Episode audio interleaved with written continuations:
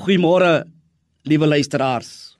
By geen ander geleentheid kom die radikale andersheid van Jesus se boodskap so duidelik na vore as by die gedeelte van Matteus 5 vers 38 tot 48 nie.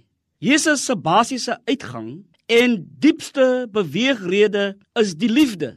Sy hele koms na hierdie wêreld staan in hierdie teks geskryf, ja selfs in hierdie teken van liefde. Johannes 3 vers 16 sê: "Want so lief het God die wêreld gehad dat hy sy enige gebore seun gestuur het." Jesus se volgelinge word opgeroep om af te sien van die natuurlikste van alle begeertes, naamlik om die ander in gelyke munt terug te betaal vir wat hulle jou aan gedoen het. Ons praat van die wet van vergelding, die oog vir oog gedagte.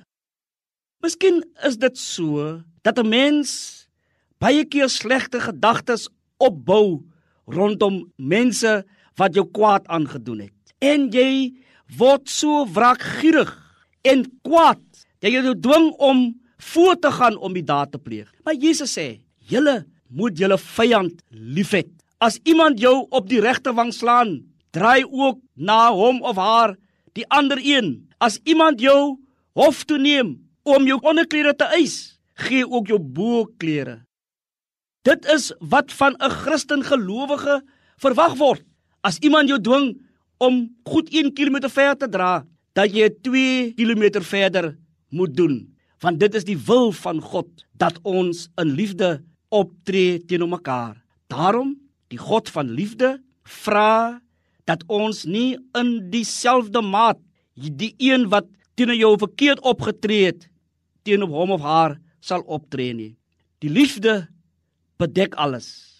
Die liefde verdra alles.